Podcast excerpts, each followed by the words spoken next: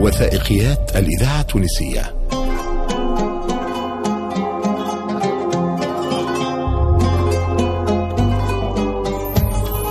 يا مكان.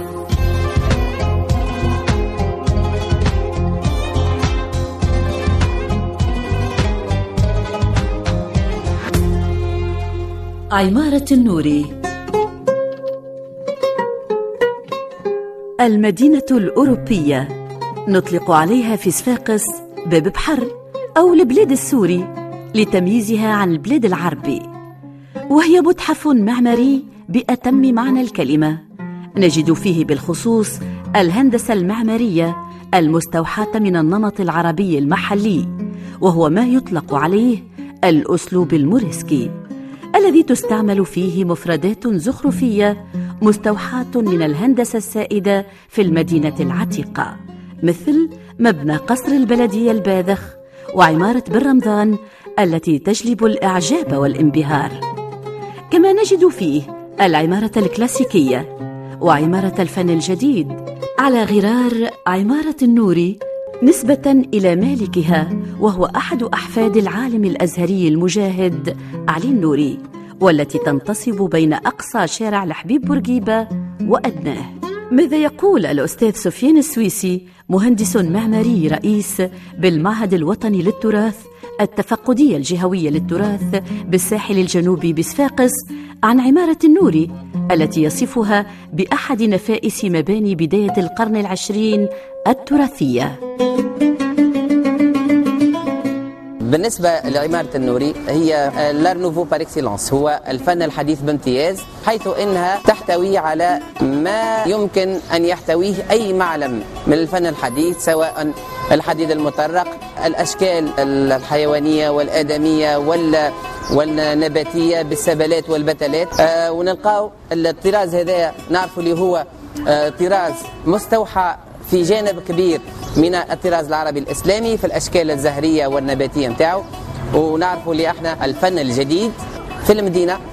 وعمل ما يسمى نزوح أو migration de style إلى المدينة العتيقة. وهذاك علاش إحنا ديما المدينة العتيقة. وباب البحر ما ينجم يكون إلا وحدة معمارية وعمرانية متناسقة. نود الإشارة اللي راهو النمط المعماري هذايا.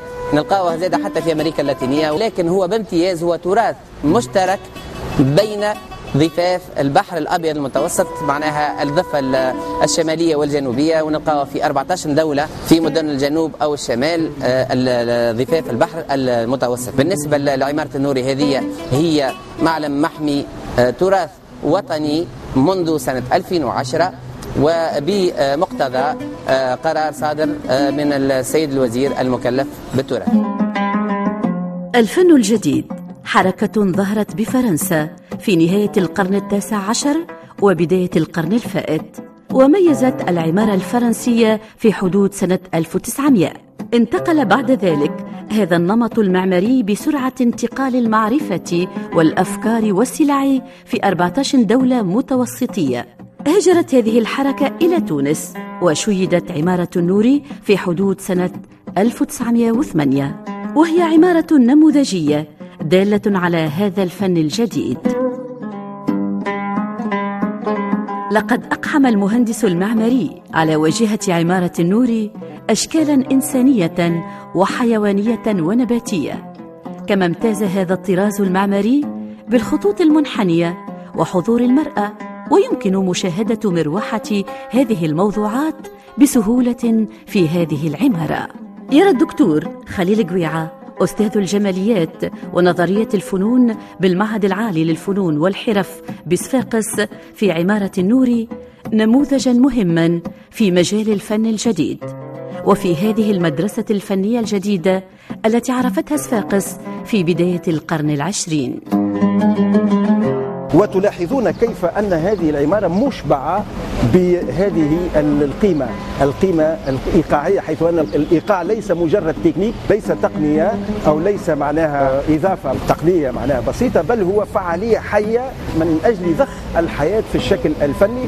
نلاحظ ذلك على مستوى التركيبة وتشاهدون ذلك في على مستوى الواجهة وكذلك خاصة في المفردات الزخرفية سواء في الداخل يعني مربعات الخزف أو كذلك الحديد المطرق الفيرفورجي أو كذلك الزخارف الناتئة التي هي مستمدة من الطبيعة مثل الطيور والزهور والخطوط المنحنية وغير ذلك والوجوه الأنثوية. هناك حضور مهم للأنوثة وهو ما يحيل الشكل الفني المعماري على الحياة. وهذه معنى قيمة إنسانية يمكن أن تقرب العمل الفني من المتلقي أو الساكن نفسه. في نهاية الأمر هذا ما يؤكد قيمة هذا المعلم المعماري التاريخي وضرورة الحفاظ عليه.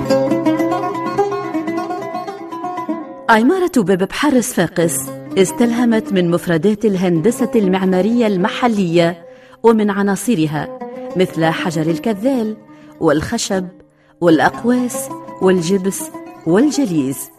وبدورها هاجرت بعض النماذج في باب بحر إلى المدينة العتيقة مثل الطوابق وطراز الفن الجديد الذي نجده بنهج العدول بالمدينة العتيقة. لهذا يبرز الباحثون هذا التكامل بين المدينة التاريخية والمدينة العصرية وهذا الامتداد المورفولوجي الذي يربط بينهما. وهذه مسألة مهمة لأن تسجيل صفاقس في قائمة التراث العالمي ينص على أن صفاقس مدينة مينائية في جنوب البحر الأبيض المتوسط تجمع بين المدينة التاريخية والمدينة العصرية وتنفتح على البحر. أحب نلفت الانتباه إلى القيمة العمرانية للمعلم هذايا. كالكثير من النفائس واللي تشكو للأسف من عدة نقائص منها آه، غياب الإطار التشريعي الكافي لإصلاح المعالم التي على ملك الخواص. كيف كيف؟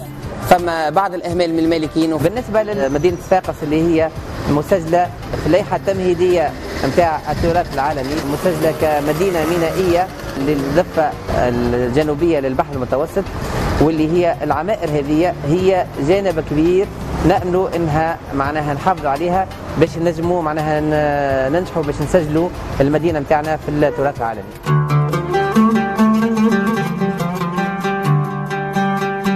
عمارة النوري مصنفة مبنى تراثيا وطنيا ولكن حالة الإهمال بادية عليه في الخارج والداخل وتثيرك المفردات الغريبة التي شوهت خصوصياتها المعمارية مثل البلور والإشهار. وهذا الوضع يجعلنا نستفيق عن الحقيقة المرة لهذه البناية الفريدة والنادرة بصفاقس بل بالبلاد التونسية. بقي أن الحفاظ على هذا التراث الإنساني واجب ويكفي أن نلاحظ تقريب عمارة أخرى مشابهة في باريس ليست بنفس المظهر حيث أن هناك صيانة لهوة مستمرة هناك اعتناء مستمر وهذا معناتها يحثنا على التطرق إلى جانب الإهمال سواء من المالكين أو حتى من عدم احترام القوانين والمنظومة التشريعية. أنا بودي يوقع تقنين التدخلات التجارية التي تقع على المبنى. باب بحر صفاقس متحف معماري. ينتسب إلى تراث مشترك بين بلدان البحر الأبيض المتوسط مثل الدار البيضاء وبيروت ومرسيليا وأثينا ولكنه يندثر كحبات عقد تاريخي تراثي ثمين. وعمارة النور تكاد تكون عمارة متداعية للسقوط مثل مقر صفاقس قفصة والعمارة المعروفة بالبنك التونسي.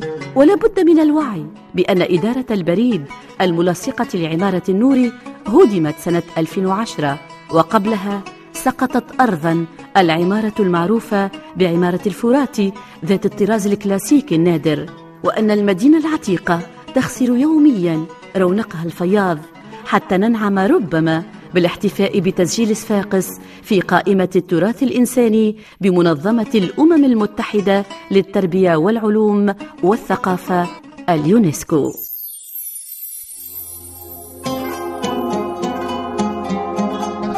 وثائق عمارة النوري إنتاج إذاعة صفاقس مع تحيات فاطمة خنفير طارق بكور سمية كريشان نص دكتور رضا القلال.